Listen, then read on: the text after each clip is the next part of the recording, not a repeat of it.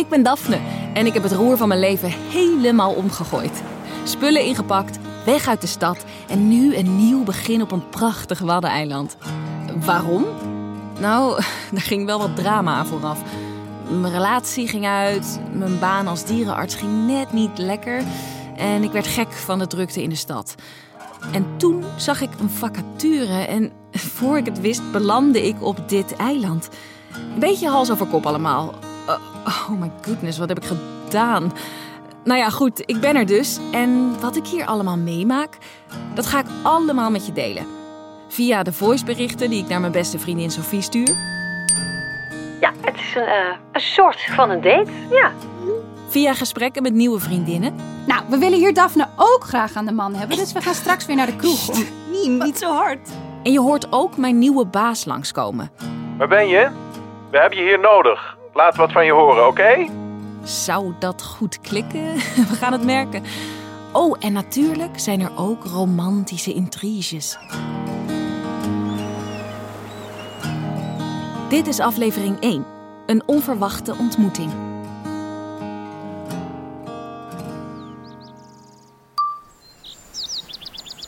Hoor je dat, Sof? De vogels in de bomen horen Daphne komen. Hoe heerlijk is het om in zo'n natuurlijke omgeving te zijn. Niks ten nadele van waar jij woont hoor, maar dit is toch wel wat anders.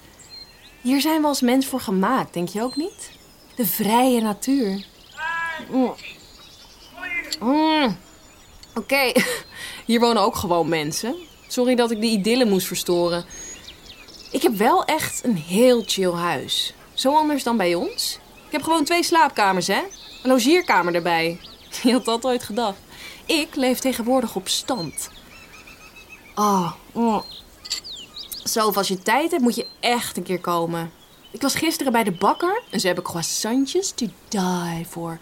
En gaan we daarna gewoon een stukje wandelen in de duinen om die er weer af te krijgen.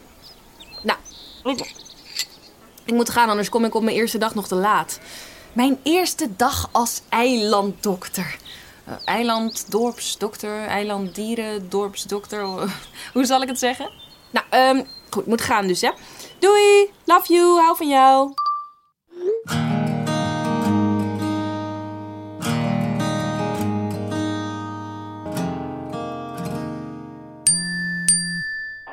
Oh, Daf, hou op met me. Oh, je zou denken dat een mens hier wel wakker wordt van, van al die wekkers om je heen en die duizend wekkers op je telefoon. Maar uh, nee, fuck it. Nou, jij bent vast al op je werk en ik kom veel en veel te laat. En vogels, die hoor je hier helemaal al niet op drie hoog achter. kijk, dat is natuurlijk het hele probleem. Als er nou zo'n beest voor mijn raam lekker zat te knetteren, hè, dan werd ik daar tenminste nog wakker van. Wacht even. Oh, fuck, fuck, fuck, fuck, fuck. Ik moet hier eruit. Wacht even hoor. Wacht.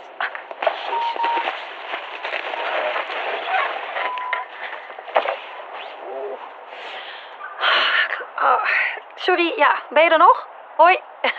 ja, het is hier ook zo godvergeten druk. Maar ik kom naar je toe hoor, croissantje van me.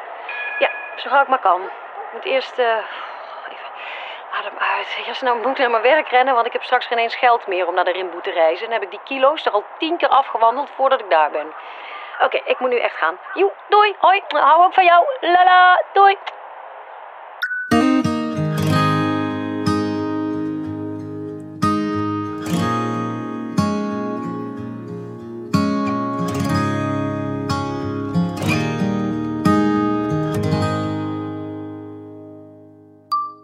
Had er hier iemand beweerd dat ze van de natuur hield?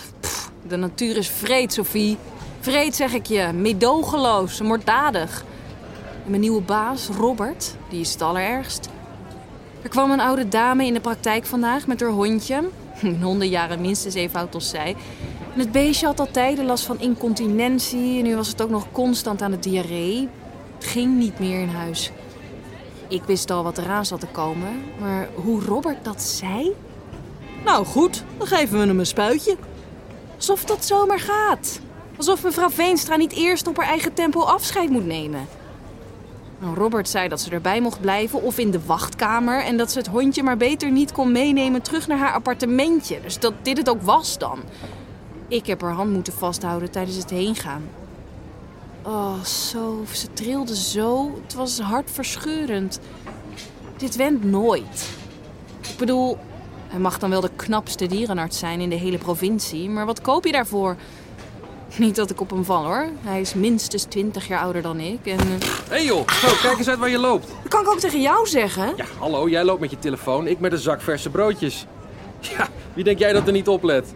Ik hoop maar dat... Ja, daar ben ik weer. Sorry voor de onderbreking. Hoorde je net een beetje wat er gebeurde? Wat een lomperik ook weer. Het lijkt wel alsof ze hier allemaal uit van het ruwe splinterhout gesneden zijn. Niet te doen. Ik wil niet beweren dat de mannen daar zo nou veel beter zijn, maar ik had gehoopt dat het hier juist anders zou zijn. Oké, hij was wel knap. Serieus, heel knap. Vraag me wel af hoe ze dat hier doen hoor. Zou er iets in het eten zitten? Ja, goed, je hebt er toch niks aan. Want Lucas was ook knap en toch zijn we uit elkaar. Trouwens, zelfs Robert is knap voor zijn leeftijd. Ik moet er toch verder niet aan denken. Oeps, sorry. Mag ik er alsjeblieft even Oh, langs? ja, sorry. Dankjewel. Ja joh, sta je even pontificaal voor de deur te appen zonder naar binnen te gaan. Ik ga even een bloemetje halen voor die arme mevrouw Veenstra. Hé, hey, Sof. Dankjewel voor het luisteren. Ik mis je echt. Doei.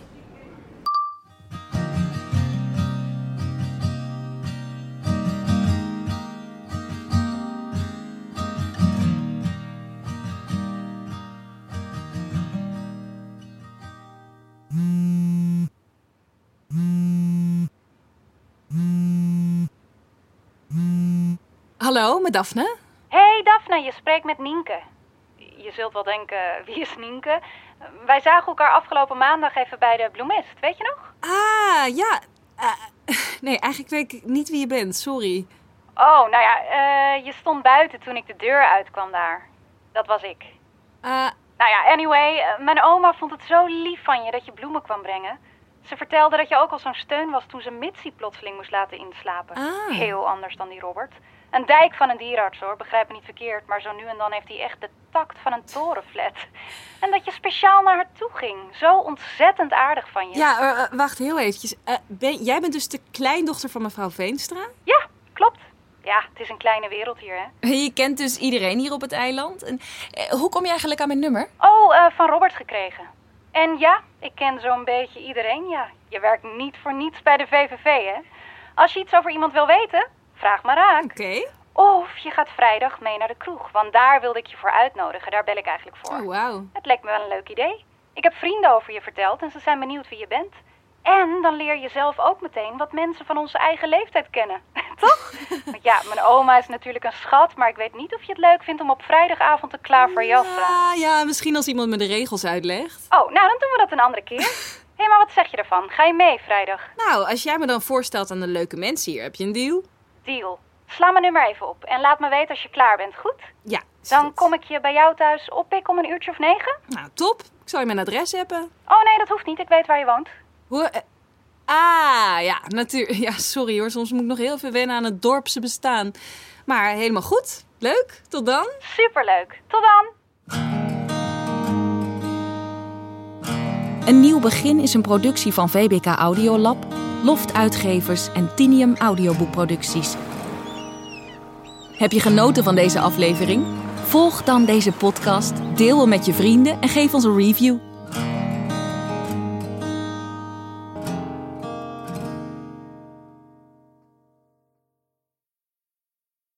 Hou je ook zo van feel-good verhalen? Ga naar zininfeelgood.nl en maak kans op een jaar lang gratis boeken.